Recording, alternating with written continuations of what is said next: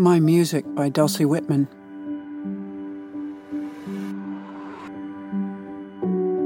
My friend Susan thinks I need to say something about the time in the hospital when I got smashed up on my motorcycle.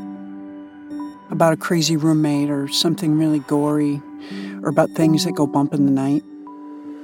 You'll feel better, she says to me. And the public, she says this in her old lady, gritty reporter voice, the public wants the down and dirty about what it's like when you almost die. We want to feel bad for you, for what you went through, and we want to be relieved for ourselves that we didn't. We want to know how bad it hurts, and we want to thank whatever the powers that be that it's not our pain, that I didn't have to live through it. We're kind of jealous that you get all the attention, and we feel guilty for feeling that way. So throw us a bone, will you? She says, and she smiles at me with loving eyes, glad that I'm not dead. But I don't know how to lump it all together. The things that show and the things that don't. How dark it is in there, and how much it's like having two different lives going on at the same time. The one that other people are part of, the kind and loving part, and the one that's yours and yours alone. Pain is like that. Fear is too. I can tell you that I have a new appreciation for colors and music and bunnies. They kept me company. They distracted me and entertained me. They quieted my fears. They got my attention, each in their own special way, and kept it for hours and hours without inflicting more pain. Well, except for the music, which was sometimes a bit rambunctious and too crazy for my banged up head. Rock beat guitar riffs fused with church hymns. Bob Marley mixed with chanting Buddhist monks. Screaming sitars and whacked out bongos. I scanned the tubes and wires I was connected to, hunting for where it was coming from, thinking I could turn it down with my mind. Not off, but down I wanted music. I needed it, just not so much of it. I'd say, please turn down the music. But no one did. They'd look at me and look at each other with wrinkled expressions.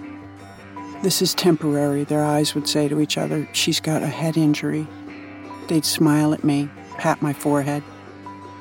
Music sounds different when you're in pain, whatever kind of pain broken bones, broken head, and you know, the old broken promise, broken heart pain, it goes in sharper, maybe even deeper, and when it comes back out again, it brings pieces of body with it, blood cells and visions and echoes of high school and childbirth with it. It's familiar and it's personal, comforting in ways, but disturbing in others. My music ran its own gig. It streamed out over the edges, showed me who was boss, and it wasn't me. I had no choice but to surrender. And when I did, when I let go of needing to make sense of it and be in charge of what goes with what, well, then the music flexed its vibrational muscles and took me with it.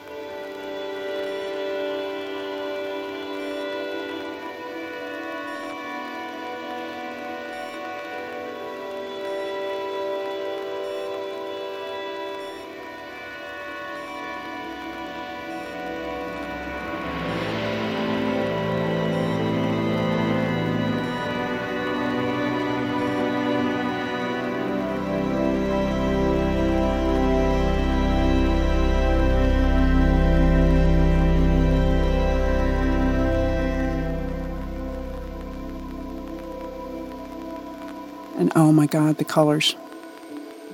I don't know how many hours I whiled away watching colors go by. Rainbows spouted from curtains, plain old white curtains hanging innocently on either side of my window, the ones that looked out over Maine Medical Center heliport. Choppers came and went, night and day, like on the TV. They brought various sized bundles of blankets and blood packed on a stretcher people who were injured far enough away from the best hospital in Maine that it was worth their while to be flown here. I didn't know as I watched them come and go that a decision had been made by the EMTs that scraped me up off Pleasant Point Road that they could drive me to Maine Med faster than they could drive me to Midcoast and have me heliported from there. I know that now and appreciate their decision as it's one of the ones that saved my life. Thank you. Thank you. But I was talking about colors.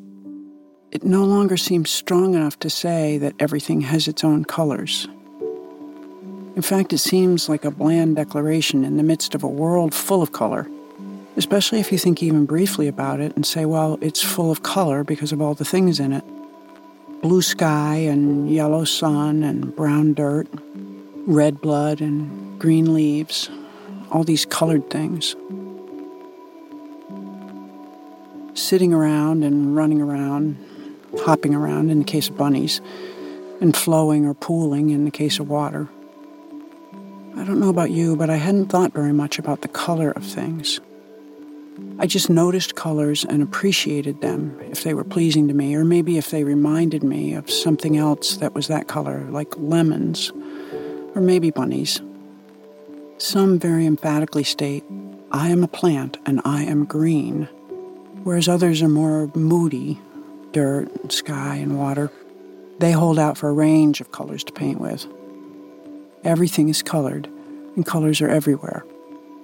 But what revealed itself to me was that color exists without things, and things are not actually tied to their colors. Colors run around everywhere, just like my brain, and no matter where they wander, they show you how it's all related. The rainbow in the curtain drools down the wall and across the floor, up the pole, and into the IV bag. I watch it run like a river into my arm, and I feel cool blue and spicy red and tingled magenta. I know they're friendly to my situation. They're here, like the music coursing in me and the bunnies that scoot over the bed and snuggle their fluffy selves up against my broken legs. I am fortunate to have seen all this at a time when I could appreciate it and not be afraid lots of bunnies. Surprise bunnies that pop up from behind a pillow that the nurse moves to tilt my body. Nurse Leanne says, Gotta keep things moving when I ask her not to touch me. Don't want to get sores, she says. And I tell her I don't care about sores, but she does it anyway.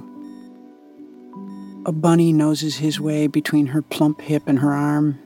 He sits on the pillow pushes all his four bunny pounds down as hard as he can to try to keep her from being able to lift it.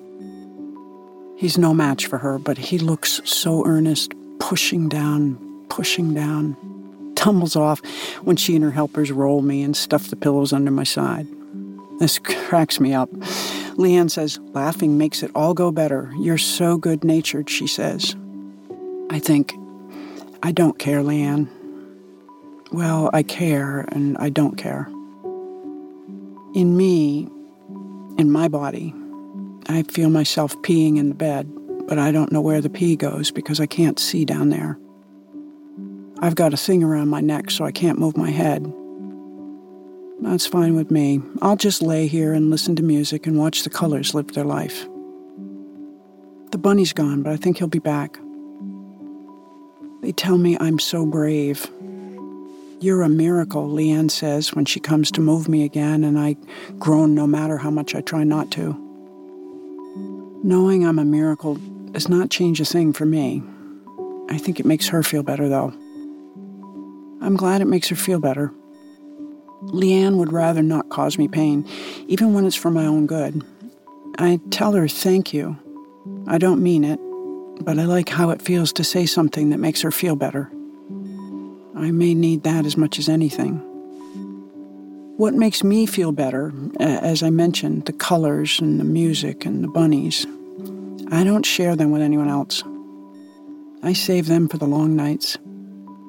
I watch and listen and think thoughts that may or may not be significant when I get out of here, when I get better, when this patchwork of scars and I have some quiet time together, some privacy when I'm just somebody else with a story. For now, I'm just somebody else in pain.